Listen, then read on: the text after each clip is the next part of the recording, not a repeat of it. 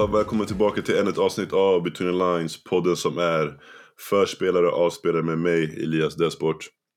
Vi har en ny gäst här med oss idag som kommer hela vägen från andra sidan Atlanten. Så därför kommer vi också vara tvungna att switcha över till engelska. Så vi kommer alltså ha vårt andra avsnitt eh, som är på engelska.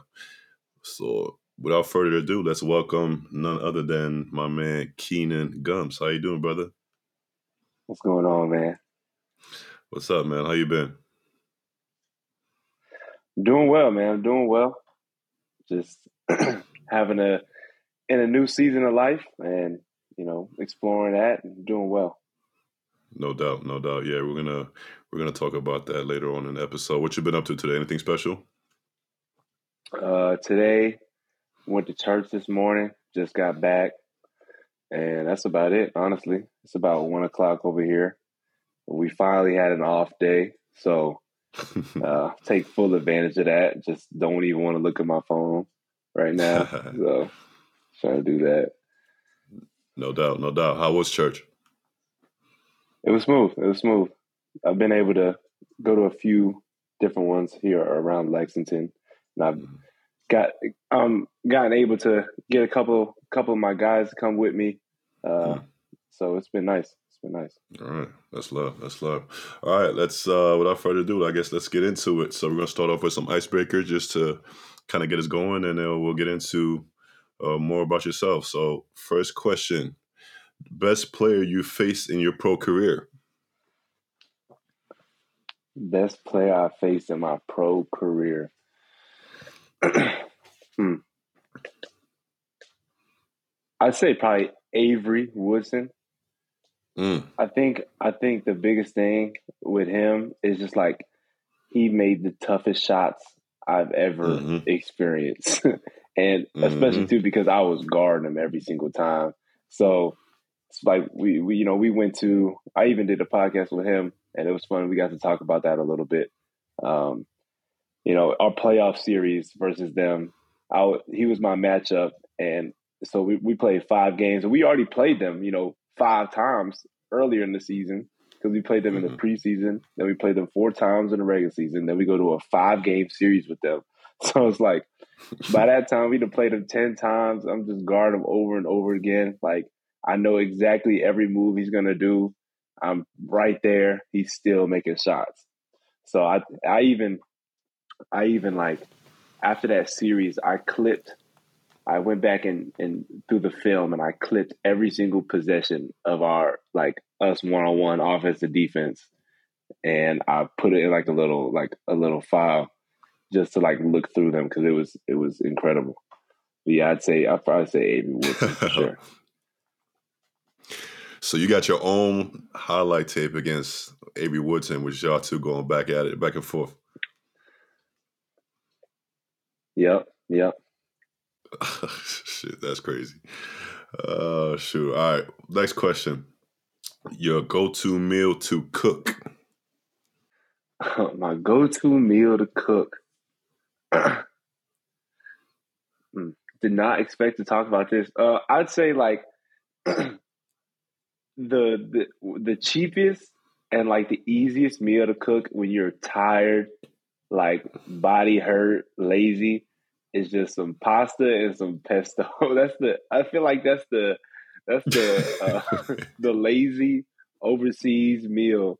Like, but I, what I would like to do, I like to spice it up a little bit. Like, you know, I'm I'm not just going straight pesto straight out the thing. You know, I'm sautéing some, you know, Mhm. some maybe some shallots, some onion, uh, uh, some garlic, and then maybe like some mushrooms and spinach, and then you know throwing some seasoning in there, and then like maybe even maybe even getting like a little bit of cream and making the sauce creamier.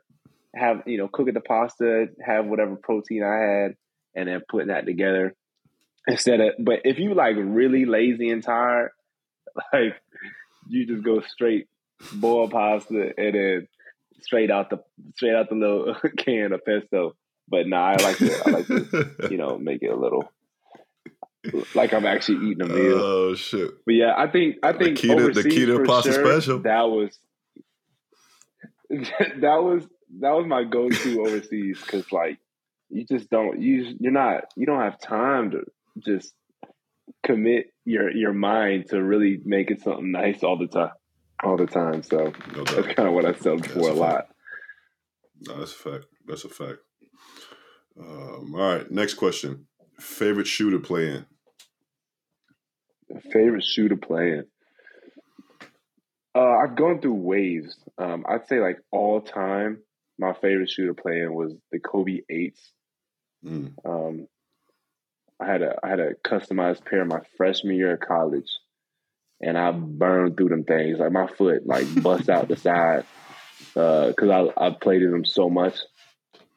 Um, and then I you know I've had uh, some some ways where I, where I love the KDs, the KD 13s. I really like those, and then like mm-hmm. the PG. I think there were fives when I was in Sweden. I wore the PG fives. I had like five pairs of them, every different color. Mm-hmm.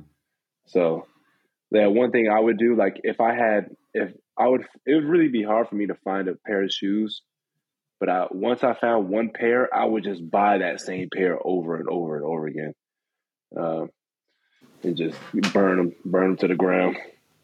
Facts, facts. Hear that? Hear that? All right, last question: Afro Keenan or braided Keenan? you know, I'm. I'm going through that debate right now. Like I'm at I'm at the stage where my fro is just getting a little out of control, you know.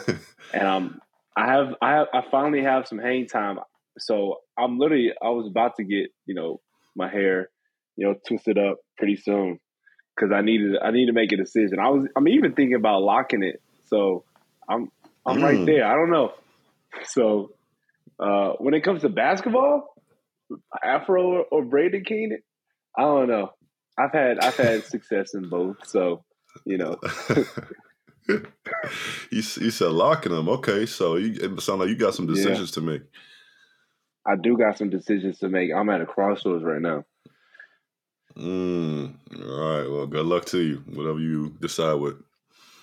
all right, let's get into let's get into some you, of your background. You, you said my hair, my my hair. Well, I'm keeping my hair yeah. short, man. You know what I've been through. I used to have long curls and all that, but you know, for now, I'm just keeping it short, keeping it easy, just a little taper on the side, just try to get a wave cut and just keep it pushing, man. I ain't trying to do too much, so mm-hmm. you know, you know what I do nowadays. But all right, let's let's uh, get into to your to your background and and and talk about Mr. Gumbs. Um, so you were born '96 in Japan, actually. Uh, more about that later. Mm-hmm. Uh, but you're a military kid. You have parents that served in the Air Force for over 20 years. So mm-hmm. obviously, because of that, that means you've traveled a lot and lived in a lot of different countries and, and, and states and whatnot. Um, so for, I mean, I'm not sure how old you were when you left Japan, but can you talk a little bit about your background as far as you moving from country to country and state to state? yeah, I wish I wish I could remember uh, stuff about Japan. It's funny because uh, Khalees is, is in uh, Okinawa right now. She was just right. there with uh, with DJ. You know, he's playing out there. Yeah, um, shout out to both of them. So, yeah. So I just I literally just talked to her yesterday because they were there. I'm like, yeah, that's where I was born at. I was like, mm. but I mm. can't tell you a thing about it. You know, I wish right. I've never been back. I've never been back to Japan. I wish I wish I, I can go. Um, but yeah, I've lived I lived in you know, lived in Florida. I lived in uh, Nevada and, and, Vegas, and then I grew up. I, I, when people ask me where I'm from, I always say like San Antonio because that's where I really grew up. That's where like my longest stay was, right. and then I went. You know, I went to uh, school in Virginia. Then I lived in North Carolina for a little bit. That's where my parents live now, and then now I'm in Kentucky, and then you know a bunch of you know the few countries I lived in uh, overseas in Europe. I was in Austria, Sweden, the Czech Republic, and Hungary, and then I've had spent some time in Korea. Uh, mm-hmm. I studied abroad there my freshman year of college, and then uh, one more I feel like, but whatever. But yeah, so my background, like being a military kid, it's been like moving around. It, it's difficult. It's it's hard, but it also it's it's a great opportunity. You get to really um, just broaden your horizons. You know, you're not mm-hmm. stuck in one in one place um, and kind of one way of life. So i am fortunate I've been able to do that, you know, from a young age and been able to see different cultures, see different people, you know, live in different weather, like all the above, and just kind of help form who who I am, or just kind of you know put all those experiences into me, like going forward. Um, I think it's really beneficial. Um, really blessed and fortunate to to be in that, and you know, there's positives and negatives to to everything because you know sometimes you just want to slow down a little bit. Um, mm-hmm. But I feel like that's where the nature is is where I'm at right now, and you just got to you know dig in and, and, enjoy where you're at and and just f- make the most out of it. Make the most out of your opportunities. So, no doubt. No doubt. So you mentioned that um, if anybody were to ask you, you would kind of claim San Antonio as you know where you spent the most time and kind of where you grew up. So um, mm-hmm. talk a bit more about, uh, I guess, your time spent in in San Antonio, because um, I'm assuming you probably went to high school and stuff there in, in, in San Antonio as well, correct? Yep. So I uh, I moved there in the middle of my third grade year. I remember I was in third grade back in Vegas, and my mom comes home. My dad actually is in Korea at this time, He's mm. he's he's been in, he was in Korea for I think eight months or maybe even a whole year. Um, so it's just my mom and my sister and I back in Vegas holding it down, and um, she she comes home from work and it's like, hey, we're moving to Texas, like out of nowhere. And then you know we have a she's like, I accepted a job in San Antonio, this and that. I you know get ready to you know say you goodbyes we gone. So the next week or so, I don't exactly remember. I just knew we it was a quick turn. Mm-hmm. Say goodbye to all my people in Vegas, and then move to San Antonio. Um, we lived on the military base for a little bit. Then we moved into a house about a month in, and stayed in that house the whole entire time. Um, so that was, you know, I literally lived in that house for uh, what from 2005 till they left in 2018, I believe. Yeah, they left in 2018. So 13 years we were in that house. Um, wow. So yeah, that was you know that was that was home. You know, I never I've never experienced that before. So we really just locked in, hunkered down. You know, finished out elementary, went to middle school, high school, all in that area, um, in that same house. So that was that was really home. I got to you know make a lot of connections and it's it's crazy though because you know I, I claim San Antonio as home, and you know people ask me, you know, where you going, you know, for the holidays, and now they're in North Carolina. So I'm like, yeah, I'm going to North Carolina, but they're like, why are you going to Texas? I'm like, it was actually that I have no extended family in Texas, like not a soul. It was mm. just my, you know, my satellite family. That's what we do, just right. us four. You know, we would we would be in our spots, and just Texas was our home for the time being, you know. But now, home is where my family is, and they're not in San Antonio anymore. So, yeah, yeah. So about the like you mentioned that you you stayed at a, a military base for a while. Can you talk anything about that experience? Like, if there's anything that you remember from your childhood? Yeah, I, I remember. Oh, one thing I remember about living on military bases. Um, especially so I would say Vegas. We mm-hmm. in Vegas we lived on the base the whole time. And when I'm a kid, like I'm thinking this place is massive. Like this is a massive, you know, base. Like, you know, we're going this and that. Our house was the greatest house ever. I went back in 2019 and I went back to that military base. It is so small. And that house, the house we lived in, it was a one story house. I think maybe like two two rooms, two three rooms, and bruh, when I tell you, like I couldn't even, I couldn't, I can't like spread my arms like my full wingspan. I can't in the hallways. I can't spread my arms like all the way out. I had wow. to like, I my arms like really like like hinged to my body, and I can touch both sides of the wall. That's how that's how small that house was in the hallways.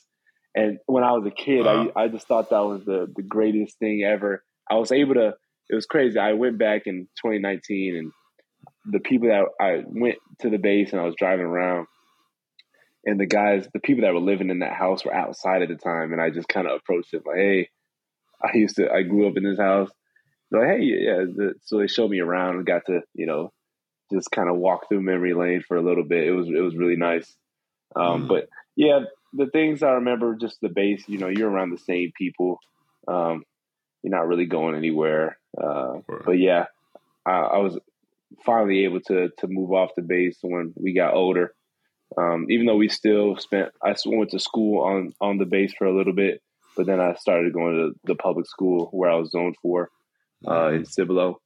So, so yeah, mm. that was that.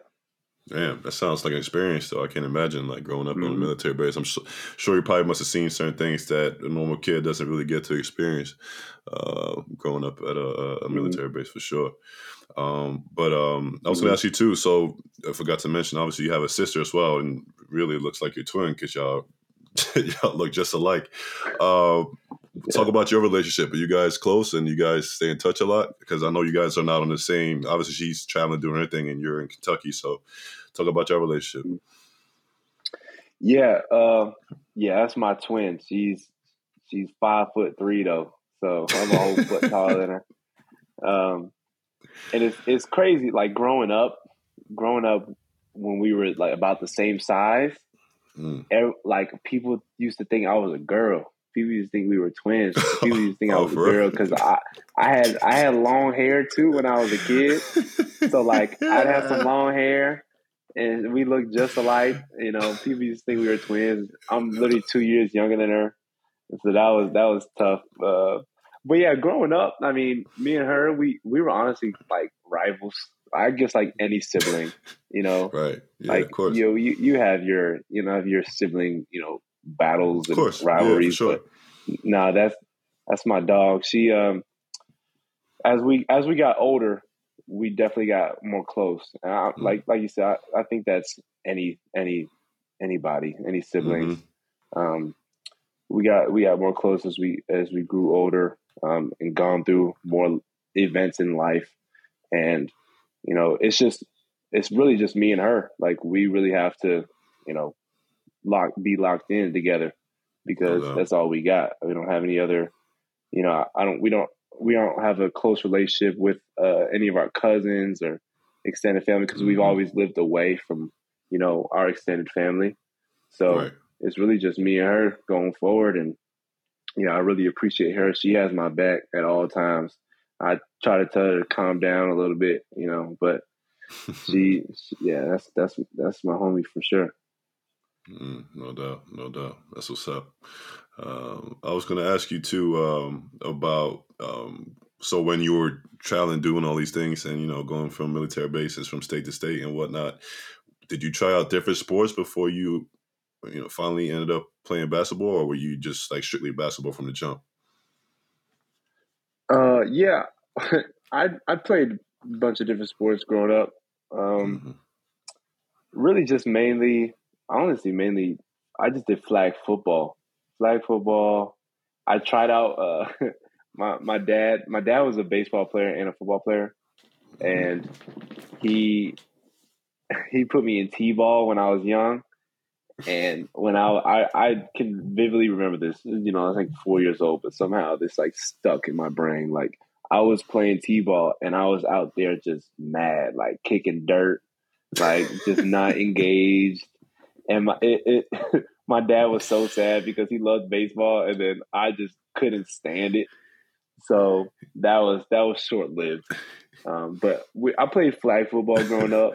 Um, my sister was mm-hmm. my sister. We used to play on the same team. She was so cold, bro. Like she was she was cold. She was so fast and quick. Yeah, so we'd be on the same team uh, back in Vegas uh, playing flag football. But other than that, honestly, I just after that, it was honestly just basketball. Mm. Like once I got to like fifth grade, like I, I really, really just kind of played basketball um, because and when I moved to San Antonio, um, the military base they didn't have middle school sports, So Oh, okay. I, I went to middle school there, and there was no organized middle school sports. So you just you know you played on the the playground, you, a bunch of different things, Right. but at the end of the day, it was basketball. So then I finally got to my parents let me go to the public school the next year. Um, so I went to eighth grade um, at Dobie, and then I was able to play organized basketball for the first time in you know a long time. I just played. I just been playing AAU. That was my first time playing for a school, and then then went into high school, and then it was just basketball in high school. Okay. So how was your um, high school basketball experience as well as AAU? How did that go for you? You know, honestly, I was not. I was not good um, growing up. Like, even though basketball was my only thing, and uh, I used to be. It's funny when I was when I was uh, when I was younger. I was I was taller than most most of the kids. So like I I started off being a big man when I was uh, when I was young. And then I moved to Texas, bruh, and you know everything's bigger in Texas. Like all these kids Mhm. are huge, bruh. Like I get there and I'm short. I was I just I was just towering over, you know, most people in my grade, and now I'm now I'm the short kid.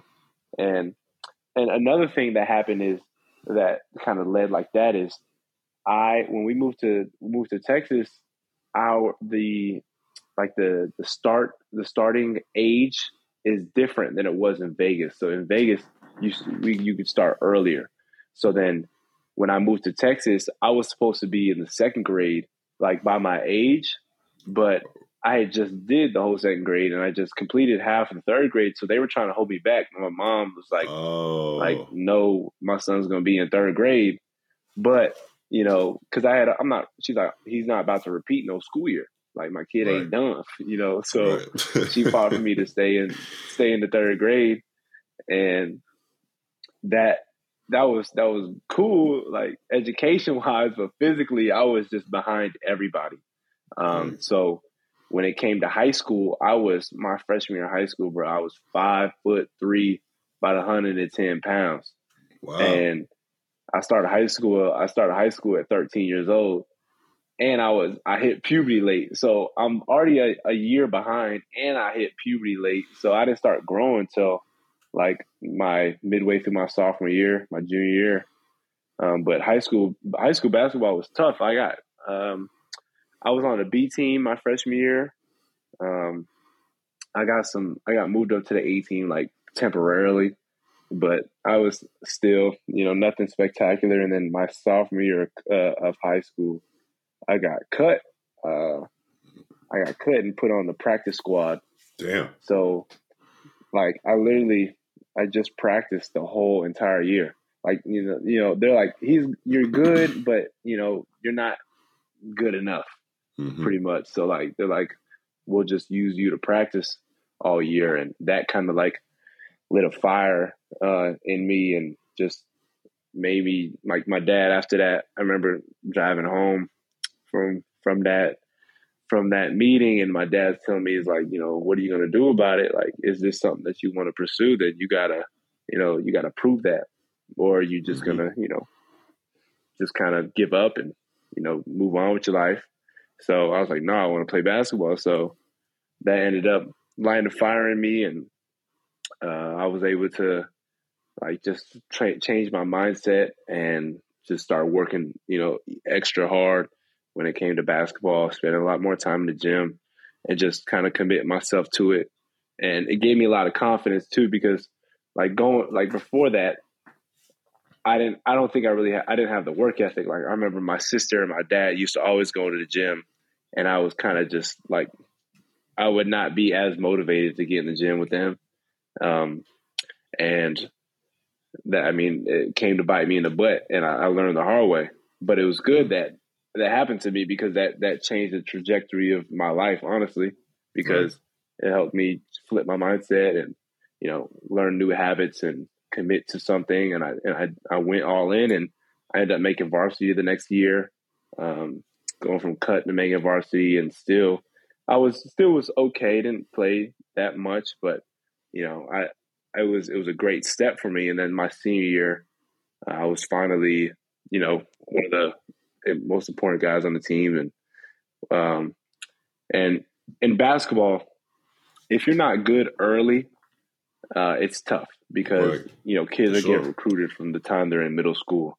Fact. So I didn't, I wasn't recruited because I wasn't very good, and um, AAU, like I was, I finally got to you know do a little bit in AAU because my my AAU coach David Henry he he believed in me. He gave me a chance. He gave me the opportunity to just make mistakes and play and learn by playing instead of just sitting on the bench. Um, mm-hmm. So he finally helped me get you know boost my confidence up by just giving me an opportunity. And but we weren't playing on like no EYBL circuit or nothing like that. You know, we playing in these you know random tournaments around Texas, and mm-hmm. you know you don't get much exposure from that, and that that led me to my senior year, just you know searching for something, and finally um, we tried this. We tried this like recruiting like agency to help you know get recruited, but these are all like random schools across the country that you know they don't they don't spend time with you or they don't get to mm-hmm. know you. They just kind of see your profile. It's like, oh yeah, maybe we can take him or something like that. But I had a a couple D three schools in the in the local area start you know picking up on me, and uh, my who my eventual college coach.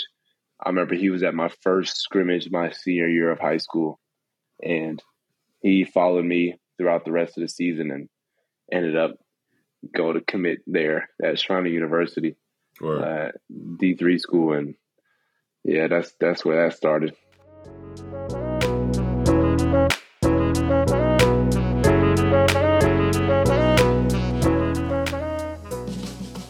So I got I got two questions for you because you said something that I kind of picked up on. Um, but so the 1st mm-hmm. question is, I'm assuming because it sounded like you had you know high ambitions and you know wanted to play Division One basketball somewhere, um, especially considering what happened to you your freshman sophomore year when you got cut and you know you put the time in the gym and all that stuff. So it sounded like you had high ambitions. So how was that experience for you trying to find a college to go play it for but then not really getting the looks. Like, did you ever start down yourself or doubt your abilities again, or or like did you start thinking, damn, maybe this ain't for me? Yeah, I don't know. Um, it's hard to to put myself back in the in those shoes. You know, mm-hmm. like 12, 15 years ago. Mm-hmm. Um, I don't. Has it really been that long? About it's probably so. been like like twelve years. Yeah, so. around that time. Sheesh. Mm-hmm. Um, so so yeah, I, I don't I don't really understand like maybe my mindset. I just knew that I wanted to play. Like I right. just wanted to play. I wanted to play. You know, my sister, she was really good from uh, being young. Like freshman year of high school, she was just unbelievable. Um, and so she started getting recruited pretty early. She ended up going to Rice University as a D1 in Houston. Yep, yep. Um, so I, I saw her success, and you know, I, I would, I also wanted to, you know, play Division One basketball. Of course, of course, you know, that's what you watch on TV all the time, and and mm-hmm. but I just I, I didn't have it.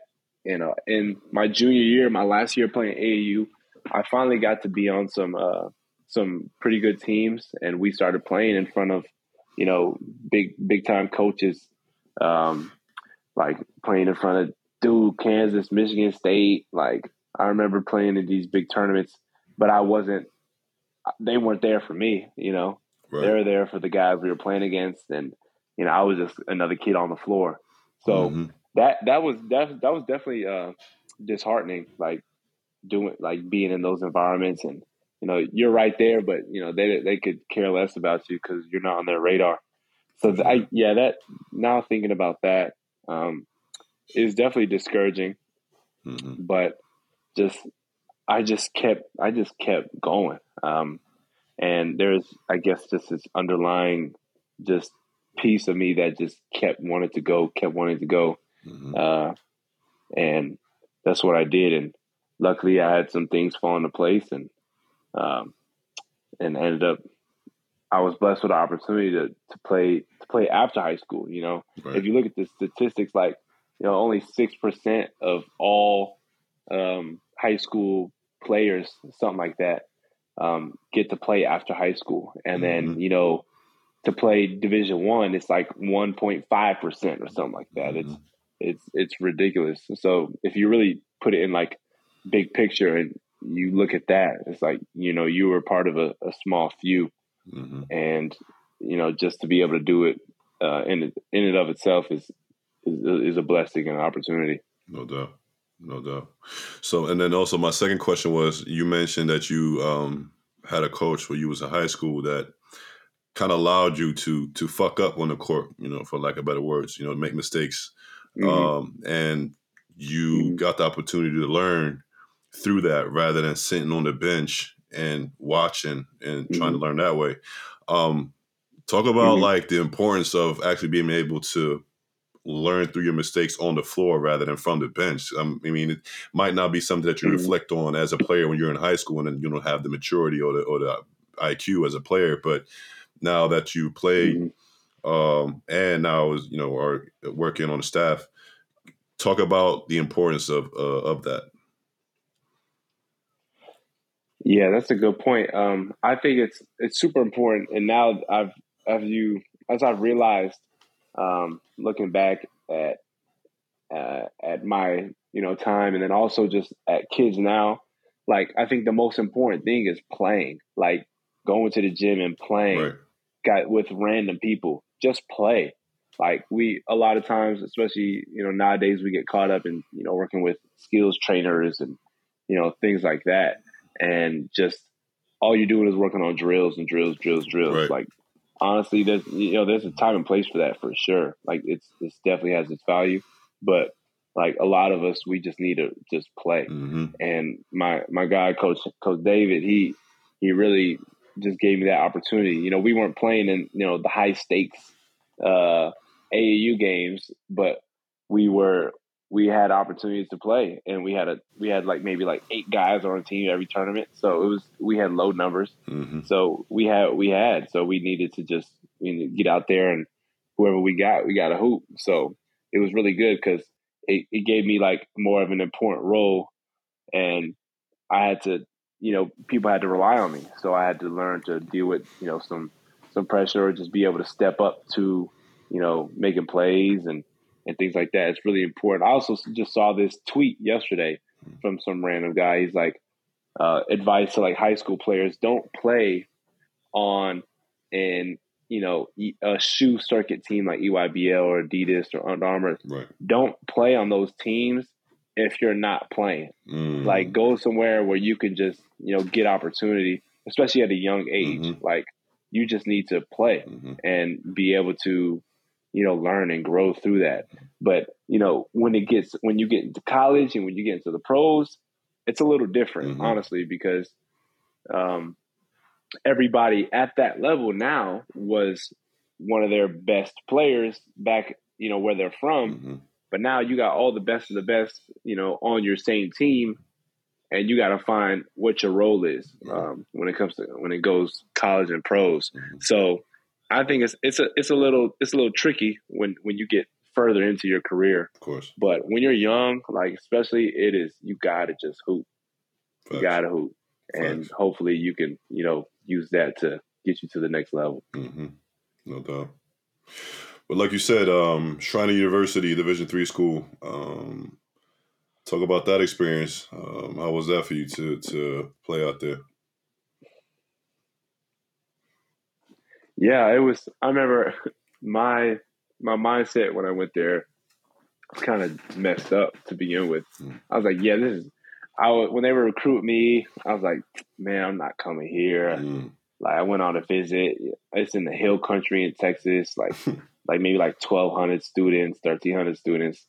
Ain't nothing going on. Like it's a small campus. It's all in one little like like mile and a half loop. Everything is in that. Um, everything is in that plot of land. I'm like, this is dead. like I don't want to go here. This and that. But they kept. They were always there. Like every high school game, like they were always there calling, and it, just it just kind of it grew on me a little bit. Right.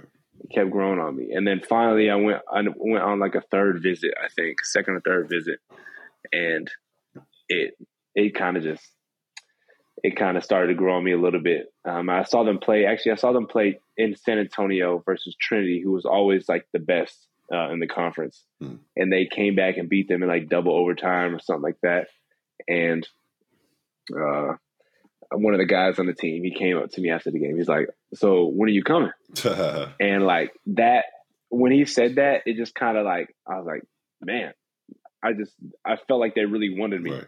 you know, and I was really important. So like go where go where you know you're valued and where you're wanted, hmm and people who show up for you day in and day out. So that's kind of what I did, and um, it was it was good. I had a mindset that I was just I was going to maybe play two years there, and I was you know going to transfer and go big, but uh, that didn't happen. My freshman year, I, I I was just I was good, but you know I just averaged seven points a game. Uh, I was like a six man on the team, and we had a, we had a really good team, but we just underperformed.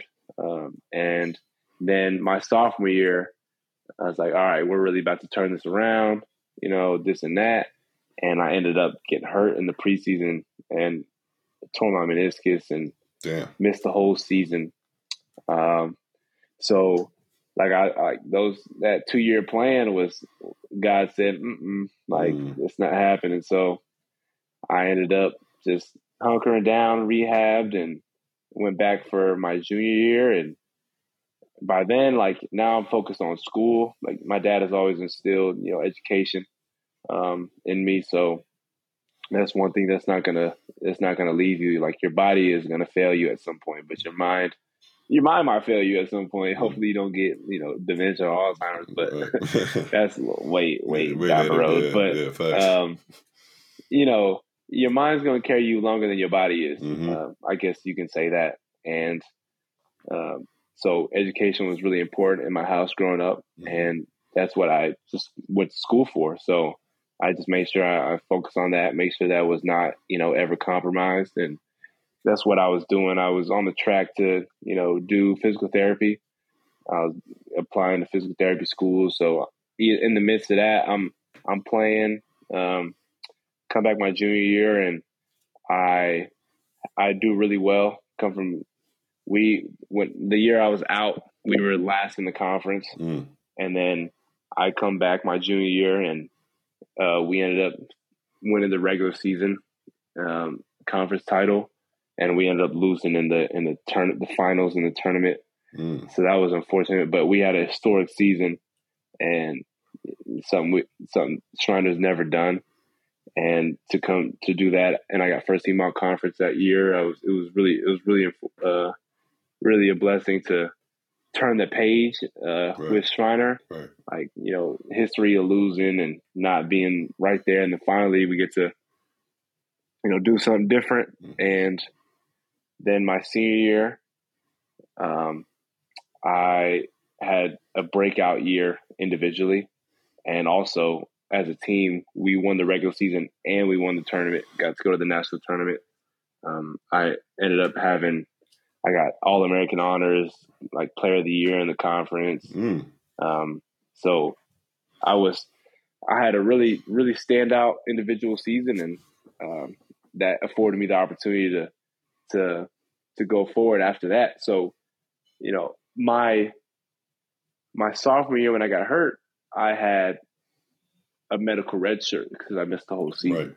So that that gave me the opportunity to play another year at college. hmm And in that time, like I was I was training and like I said, I was going to try to apply to PT school. So in the summers I would work at physical therapy clinics, hospitals, you know, to do my to get my hours Right. and then also I, I had like a legit job at a PT clinic. So I was there, you know, about like four four other days of the five days of the work week and so I would work there from like say like six thirty to one o'clock and then after that I would go home, probably take a nap and then in the evening I would drive to Austin to go train at uh, the guy who I've been training with since I was in middle school Mm. and um, one day I was there, just happened to be there at the right place at the right time. And there's this guy there just watching us work out. And he, he, we had a conversation afterwards. And he's like, Yeah, I work for this brand called uh, Juco Advocates. Um, I didn't know really what that meant at the time, but he's like, Yeah, just let me know after the end of the season if, you know, you want to use your extra year eligibility. I was like, All right, cool. So the season went by, you know, had my good season and didn't you know think anything of it i'm focused on applying to pt school because that's what you know what the process is. You know i'm about to graduate. I got to figure out life. So what's the next step? Probably pt school because that's what i went to school for. Mm-hmm. and so i'm doing that. Applied a bunch of different schools. And then by the time i'm starting to hear back it's it's around march april. And uh now then the season ends and then my guy hits me up. He's like hey you know, you still trying to use this extra year? And I was like, I was like, yeah, for sure. And say, all right, I'm gonna make you a highlight tape, and then I'm gonna I'm gonna send out your your info, and we'll see you know my connections across the country, see what happens. I was like, all right, and literally, like he was a man of his word. His name is Kyle Drennan. He he he changed the course of my life. Literally, he he made a highlight tape for me, put it on YouTube. Literally two days later, my phone is blown mm. up um, with you know Division One schools calling me, um, and that afforded me the opportunity to to go D one and and then keep playing basketball. Right. It's uh, amazing. Crazy. Just just to clarify for people that yeah. don't know about a medical red what that is. So basically, if you have any type of injury that that causes you to to uh, uh, be out for a whole year, you can apply to the NCAA to get that year back. So instead of losing a year of elig- uh, eligibility, you can apply to the NCAA and get the year back, so you can have essentially like an extra year. Mm-hmm. And, and, but you know, sometimes the NCAA be on bullshit, so it's not guaranteed that you get that year back. so just putting that out there because I know a couple of people that's happened to. So, but yeah, so that's that's what he meant by medical red yeah. for those of you who don't know. Um, but um, so yeah, so now you got that Division One uh, offer. You know, the, the offer that you finally that you've been waiting for for so long. So talk about that transition from going from uh, D three school and doing really well um, to now getting to Liberty University and playing D one. Yeah, it was it was amazing. Like I had, I think throughout that process, I had like twelve schools, um, you know, reach out to me, and this it was it was bizarre too because in high school I didn't get recruited, so I didn't know what it was really like to be sought after. Mm-hmm. Um, and you know, constantly calling your phone, texting you, and then I even had I even had schools from Ohio and California come to Kerrville in the Hill Country in Texas just to meet with me in person. Damn. Um, and that they showing how much they really wanted me. It was it was it was crazy. Um, but then Liberty came along. They were one of the first like first four or five schools to call me, and just those conversations with them like kind of stood out and they they they had everything that I was looking for in a school um, like from education because I just graduated so I'm, i need to get my master's mm-hmm. and then just an opportunity to play and and it was it was a no brainer I, I, that was my first visit I had a couple of visits lined up to different schools but uh, Coach McKay he's like just let me be your first visit I was like all right um, I went there. He offered me. I committed on spot. Like it was a no brainer. It was the best decision of my life. Hmm. Uh, or I wouldn't say. I, well, definitely a, a great decision, right. but the easiest decision I would say. Mm-hmm. Um, easiest decision. I, I committed on spot. I told my dad the day before. I was like, if they offer me, I'm coming. Like mm-hmm. there's no there's no like hesitation, nothing. Um, so it was it was great. We we had a really good season, and it was different though because like just like I, I alluded to earlier, like when you start getting to that the more important games, the higher you know higher stakes games as a, in a college career or mm-hmm. a pro career, you got to learn how to play a role. Mm-hmm. So like at my Division three school, I was averaging twenty two points a game. Um, you know, playing you know like thirty seven minutes a game, right. and now I come to Liberty. I started out the year you know, starting. I was in the starting lineup for the first half of the year, but the coach found a different success, uh, a recipe for success with another guy on our team, So it, it it led me to come off the bench. So it was it was challenging because I'm so used to like trying to make things happen, like on my team, like what I had to do as Schreiner. Sometimes I just had to put my head down and just try to make a play. Right. And um, my coach McKay used to call me a bull in a china shop sometimes because that's what I was. That was like what I used to do. Like sometimes, like if if if all else failed and I, I didn't see anything else coming, like I'm putting my head down and I'm trying to go get a bucket. You're going. Uh, yeah. So he's like, he's like, you don't need to do that anymore. Mm-hmm. Like we have more players on this team that are capable of making plays. So that's something I had to learn, and it took me a while um, to really take a step back and learn how to play, you know, with better players and in a different system. Um, so it was it was it was hard, mm-hmm. you know. It was it wasn't easy, but it was it was a great learning experience. And so yeah, one thing about like my basketball career, I've had to I've been able to do literally every single role you can think of. Mm. Like I've sat on the bench the whole game and then come in for the last 15 seconds. Mm. I've sat on the bench the whole game and not play at all. I've been cut. I've been a role player, like getting spot minutes. I've been the star player, been the MVP of the, of the league, like all American. And then I've also, you know, just been a player who just needs to to not be the main option, but is pretty important. So I've I've been able to do everything. So like using my experience, I was able to to fit in at Liberty, and like it was it was like I've been playing with them forever. Even though there were growing pains, um, it was still it was still good, and we ended up we had a really good year. We won our we won our conference. We won the championship. We won a, a game in March Madness in the tournament. Mm. So it, it, was it was it was incredible. It was an incredible year. Mm. What were some of the other offers that you had uh, before you decided to come into Liberty? Yeah, so one thing about like coming from D three and uh, trying to go D one, the, the schools that were recruiting me, even though they were really active, they wouldn't extend an offer mm. until I saw them in person. Oh. Um, all of them wanted me to like come work out in front of them because you know they, they see on film like oh I'm I'm this and that uh, I'm averaging these numbers, but I'm playing Division three. Right. So they they wanted to see me in person, like, and maybe see them practice against their guys before mm-hmm. they they offered me. So that's kind of the same thing that happened at Liberty. But I went there, and on my visit, I played against one of their alums, and me and him had a absolute one on one battle. Um, mm. And I I took him to we just did we just did three spots, one on one to seven, and I won the first spot. He won the second spot, and then the third spot we were we were stuck at six six for like twelve possessions. like it was it was crazy. So like them watching me play in that, I think they already made up their mind. They're like, oh yeah, he's legit. Right. And then we played five on five with the team the next day, and my squad we we literally ran the court. We won like seven. We were seven and zero. Oh. Wow. Um.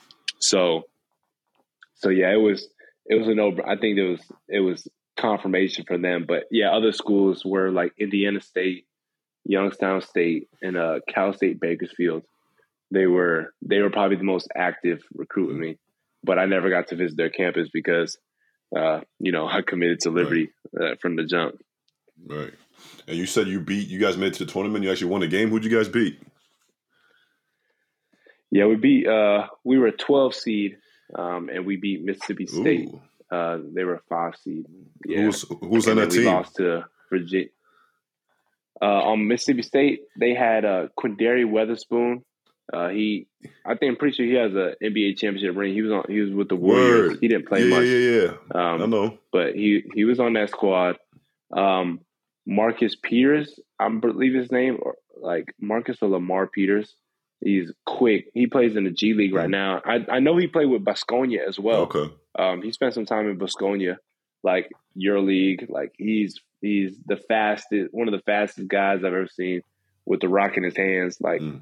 uh, in person. They also have a guy, um, uh, what's his name? He's playing in in Spain uh, right now. He's been killing. Uh, I forgot his name. I know he's in Spain right now. Mm. Um, and then they also had another guy.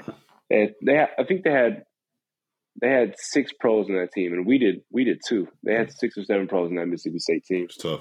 Um, uh, but yeah, I can't remember all their names, right. but I know their faces. Right.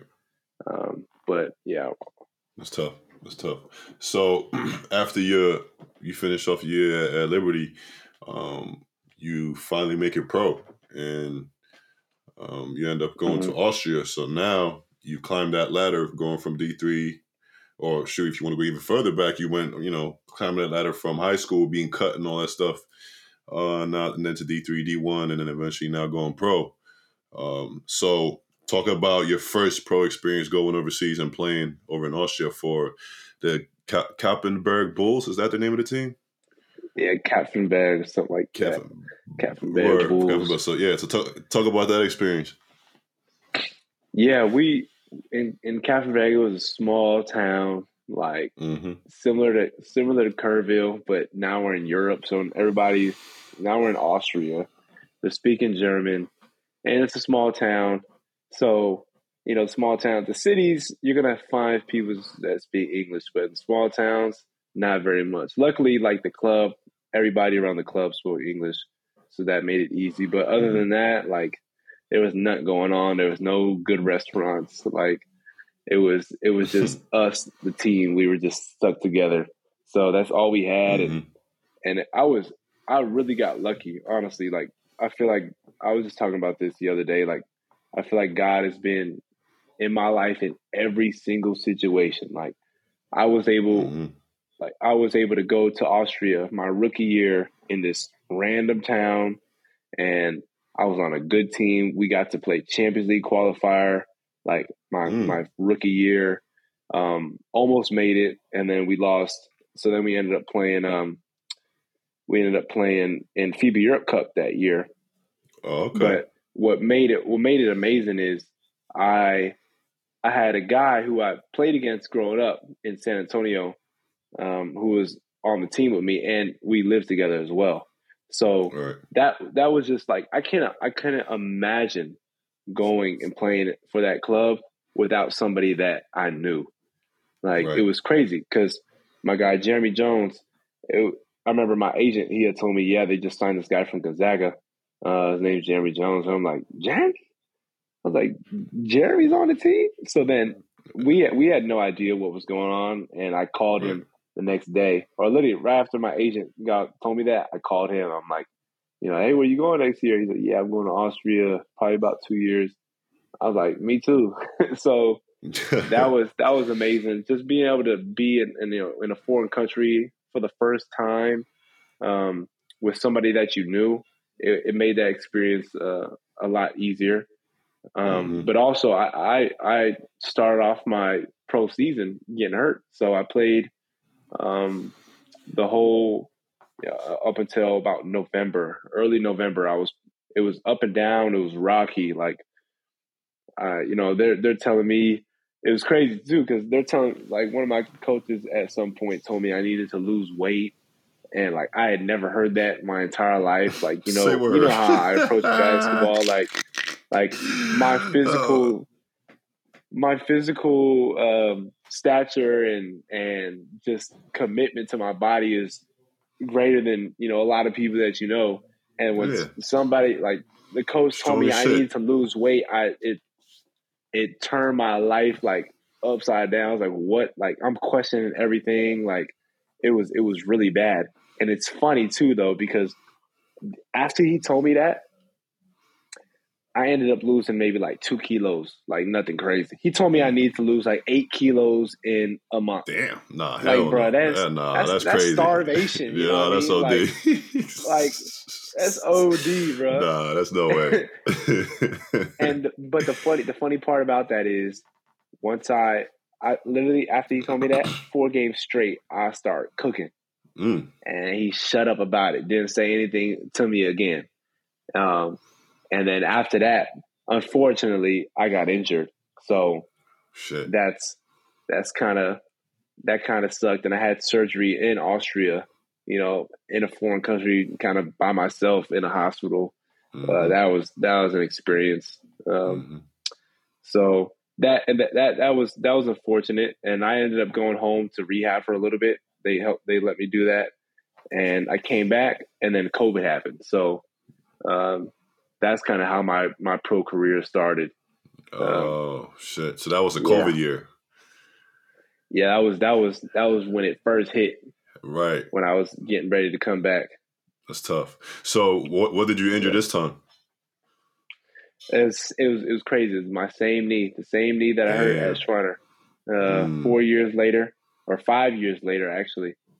Um, I, I and I was fine too. Like it was it was an unfortunate situation. I took a charge on this guy who's probably about 110 kilos. Just mm.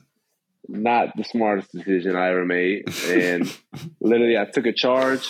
I got the charge, but then when he he landed, like he fell down and landed like full weight of his body straight on my knee.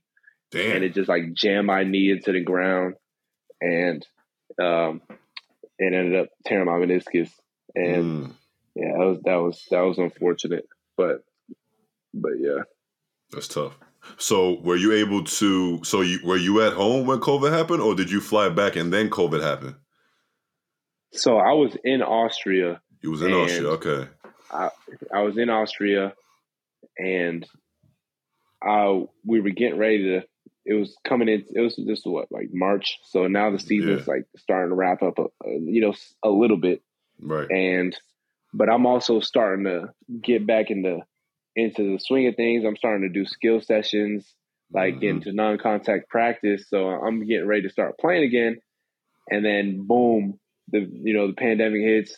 Mm-hmm. You know, season gets canceled, and I'm scrambling. Like it was, I was trying to leave the country, like because Trump made an announcement. It was like, hey, you know, we're closing the borders. But right. I didn't understand that the fine print meant that you know, even if you're a U.S. citizen, you're still going to be able to come back. Like right. he didn't make that very clear. So I had bought my own plane ticket and I packed my bags and I'm leaving. Like I'm not about to be stuck here, mm-hmm. you know, mm-hmm. with these with these people that I, you know, that I, am not comfortable with. Like, I'm going people. home. Yeah, seriously, like, and that and that, like, no, we didn't, we didn't. Nobody in the world has gone through something like that. So, no, I feel you. What you do, you react and you make emotional decisions, and that's what that's what no, I try I to do, you. and uh, try to bounce. So, ended up going home for that. Mm-hmm. Yeah. Yeah, I just yeah, I actually when you said that, you know, it's a small town, I had to Google look at some pictures, and I mean, damn, dog, it's like this looks like it got a nice soccer stadium though. It is, but the, the soccer team is not very good, oh, and oh, okay. they're in the second division, and they just weren't. Yeah, I see. It, was, it looks like a lot. A lot of, I never went to a soccer game there. Oh, okay looks like a lot of nice uh like nature sites and stuff. Like if you like to hike yeah. and stuff, yeah. But yeah, I, I, feel you though. It's like it looks like a very small town. Like and it's in the hills yeah. too. That's what it kind of looks like. Yeah, it is. It's yeah. it's beautiful out there. Mm-hmm. I, I will not I imagine. I, you know, you, you know me. I love my I love my mountains. I love my sunsets. I love my views. Like Word. Austria definitely had had plenty of those, um, mm-hmm. and I was grateful for that. Mm-hmm. Yeah, it's tough. So, um, yeah, like you said, COVID happens, but then, um, you know, you get back to the U.S. I guess you do rehab and all that stuff during the summer and try to get back to 100. percent You end up coming to Sweden, um, to to Nässjö Greens. Um, so you're going from one small small town to another small town, but in a different country, uh, and you end up yeah. spending two years in, in Sweden. But talk a bit about you know the return and you coming back to to 100 percent and then you know your first year in in Sweden yeah it was it was unfortunate like during the covid time I ended up fracturing my wrist mm. um literally right before um um I started getting you know getting contact with with Nässjö and, and Jukka he I literally broke my wrist the day before he wanted to to get on the phone with me and I didn't know. I thought I just sprained it. So my agent just kind of like played it slow for a little bit. It's like, hey, you know, let's let's let's wait a little bit um, to find out more. Right. and then just get on the phone, talk to him, you know, act like everything's peaches and peaches and cream, and it was a great conversation. And even though in the back of my mind, I'm like, no, my wrist is hurting really bad. Mm. Um, so I ended up getting it seen, and I had a fractured wrist. But um, we we talked to Yuka about it, and he's like, you know what, you're still my guy. I'm still gonna, you know, I'm still gonna take a chance on you. And Mhm. he gave me an opportunity, and he he what he did, he, they put like a the language in my contract, like if I didn't like heal by this like certain checkpoint, it was like six or eight weeks, then they had the right to send me home. But I ended up, you know, healing and recovering well Mhm. and then I was I was back on the court, and I missed the preseason, but I played every single game that year except for maybe two, um, just for like you know some nick, nicked up injuries during the season. But um, but yeah, it was it was a great experience. Um, I'm really fortunate for uh, being for Yuka taking a chance on me. I literally showed up to Sweden, bro, in a cast. Mm. Like that's unheard of. I think as a pro yeah. Um, and uh, like you said, small town again. Like, but it was different though because in Sweden, I think just the people uh, were a lot more welcoming. right. Um, you know, a lot more people speak English, Mhm. um, so that made it nice. And then also, you know, my squad, like, you know how we were. Yeah. we were just all like we were all the Shout we out to the gang. A, a we were a gang for sure. We're all like 24, 25.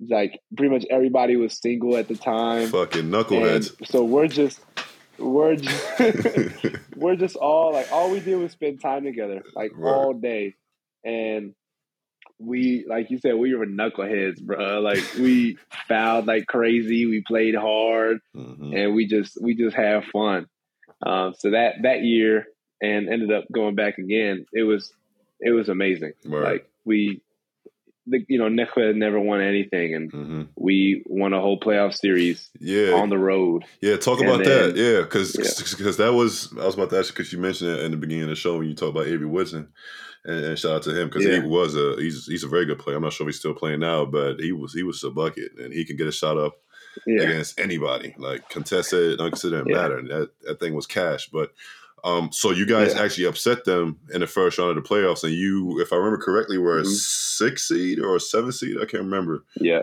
we were six, Six seed, yeah. right? And I remember that year, Borås was stacked. Like I had them picked to go to the Mhm. finals because you know they had weapons on every position. Their defense was, sus- suspect at times, but I felt like their weapons that they had kind of made up for their for their defense. But you guys ended up Yeah. upsetting them on the road, like you said, in a game, uh, game five, right? Was that it?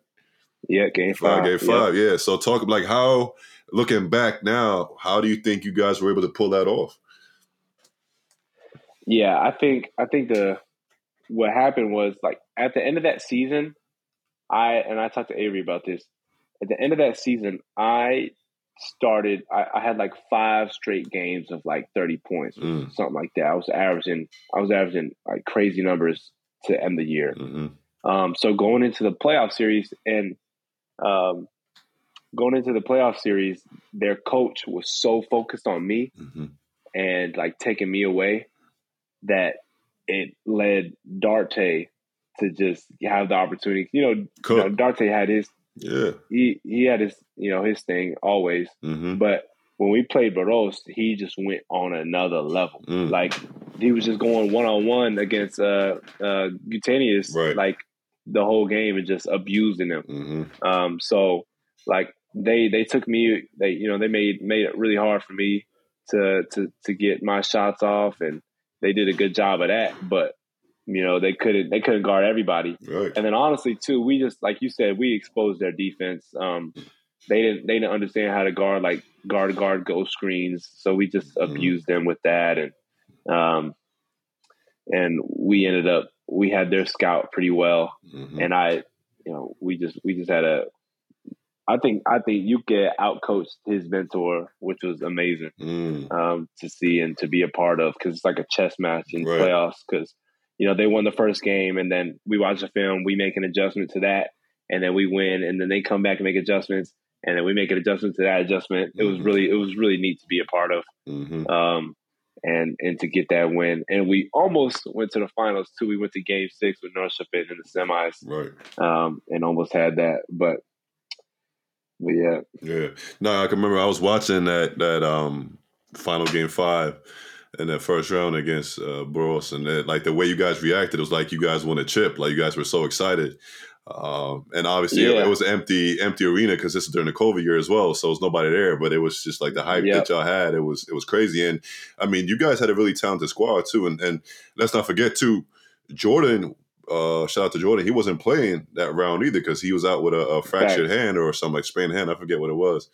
Um, but you know, yeah. down the line, I mean, if you look at you, uh, Zach, Jordan, Sharif, David, Kim, you know, David is like the ultimate glue guy. You know, plug him in wherever he does his job, yeah. and then you know, obviously Tay, Abdul, like you guys had a, a good good squad.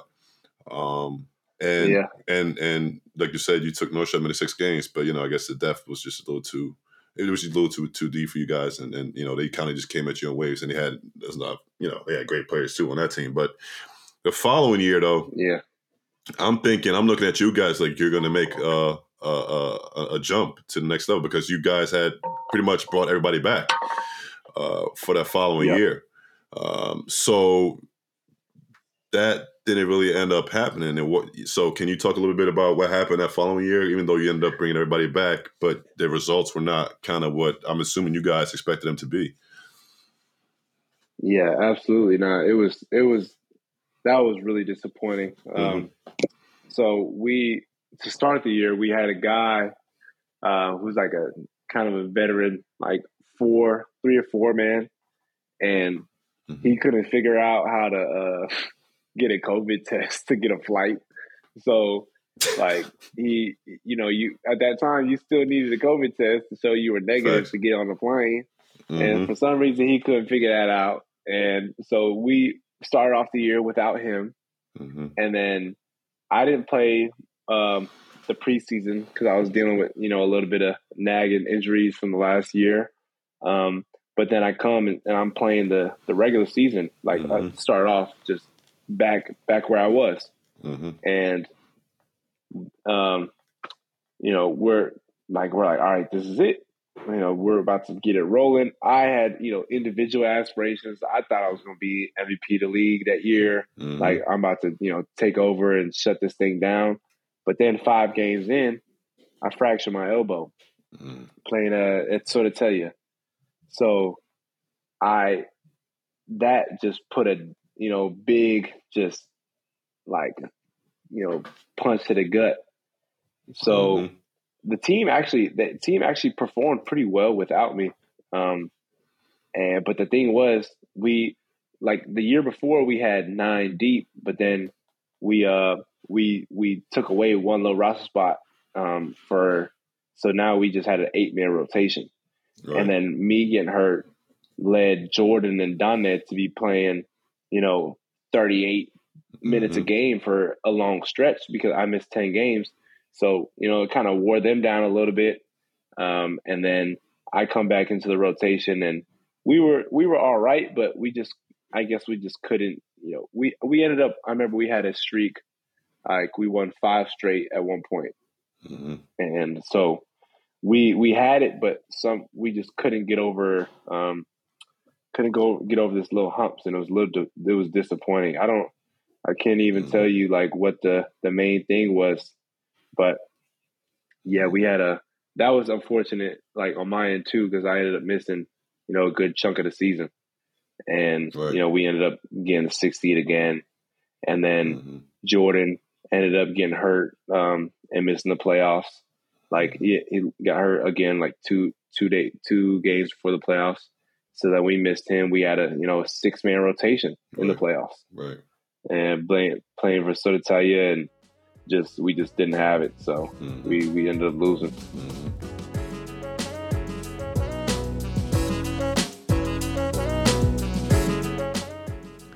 Ni vet vad det handlar om. Det är Between Lines med mig, Elias Desport. Podden som är avspelare, förspelare, producent Andres Alvin. Håll utkik efter del två av detta avsnitt.